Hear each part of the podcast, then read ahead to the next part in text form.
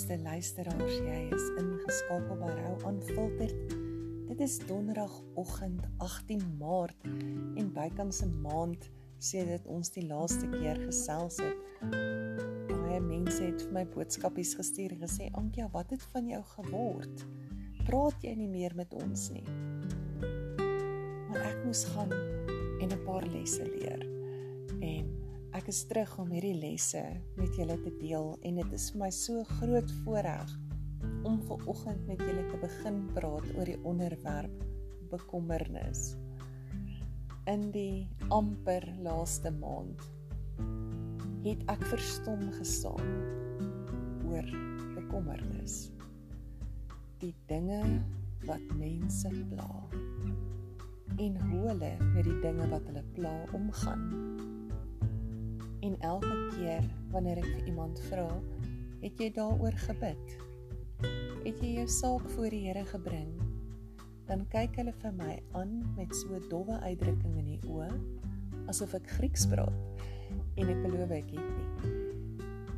En dit het my laat besef dat mense hulle self siek maak van bekommernis.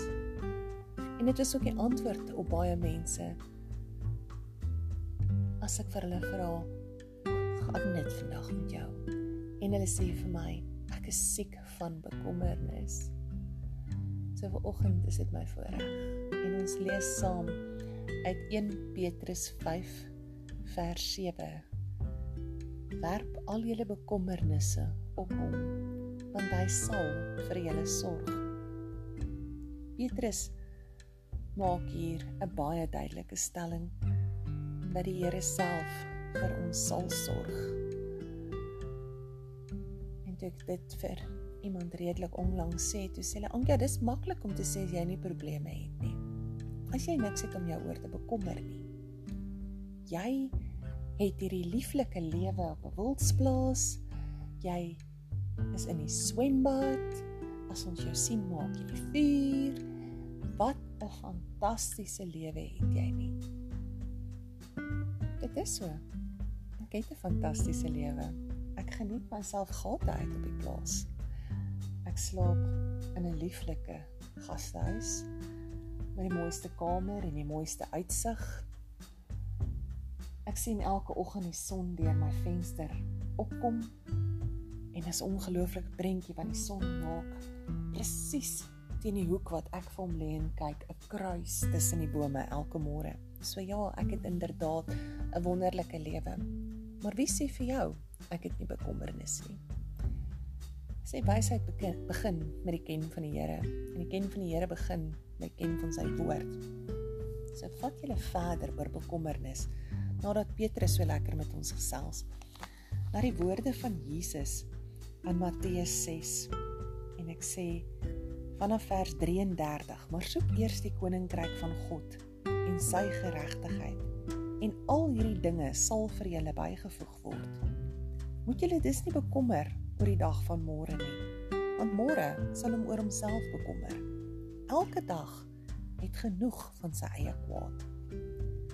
Lesie wat ek geleer het die laaste 2 weke toe ek na my student kyk wat haar dood bekommer oor haar beurs, gaan dinge betyds wees, gaan sy kan registreer, gaan die geld genoeg wees. Ek het keer op keer van sê, "Vat 'n bladsy uit my boek uit. Jou genade wat jy kry is genoeg vir vandag." Dit help nie jy gebruik vandag se genade Vandag het sy eie probleme en vandag het sy eie genade en as jy die twee langs mekaar sit, dan balanseer dit 100% uit. En ek beskeer op keer oor ja mamma maar. En mamma net rustig bly sê sussie het jou daaroor gebid. Ja mamma maar. Dis maar nou los dit daar. Die Here sê in sy woord hy sal vir ons sorg. En ek wil vanoggend hierdie boodskap so kort as moontlik hou. En net vir jou sê, daardie bekommernis wat jy vandag het, bring dit na die Here toe. My antwoord op alles, soos ek al vir julle in my vorige bedieninge gesê het, is bid sonder ophou. Met danksegging en smeking. Maak jou behoeftes en jou begeertes aan die Here bekend. Ek sluit af met 2 Korintiërs 12 vers 9. Maar hy het vir my gesê, my genade is vir jou genoeg, want my krag kom in volle werking wanneer jy swak is. Swak kan ook bekommerd wees. Dit is nie nodig om jouself siek te maak oor wat môre gaan gebeur nie. Ja, ons kan beplan. Ons moet wysheid aan die dag lê. Beplan vir môre. Maar ons hoef ons nie te bekommer oor môre nie want ons God, ons Vader is reeds daar. En hy weet wat hy vir ons beplan, voorspoed en nie teenspoed nie.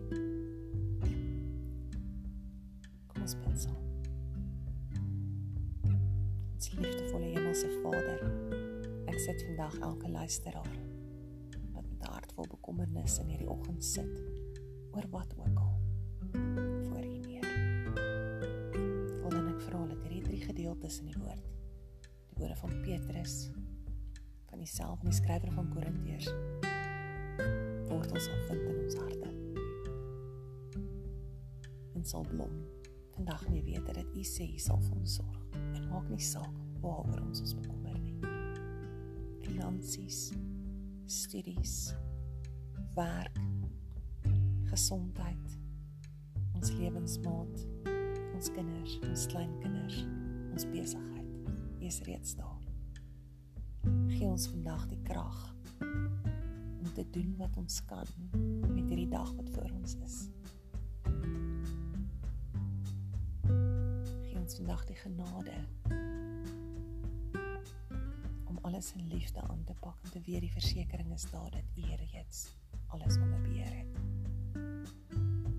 Maak ons rustig en gee ons vrede in ons harte, Here.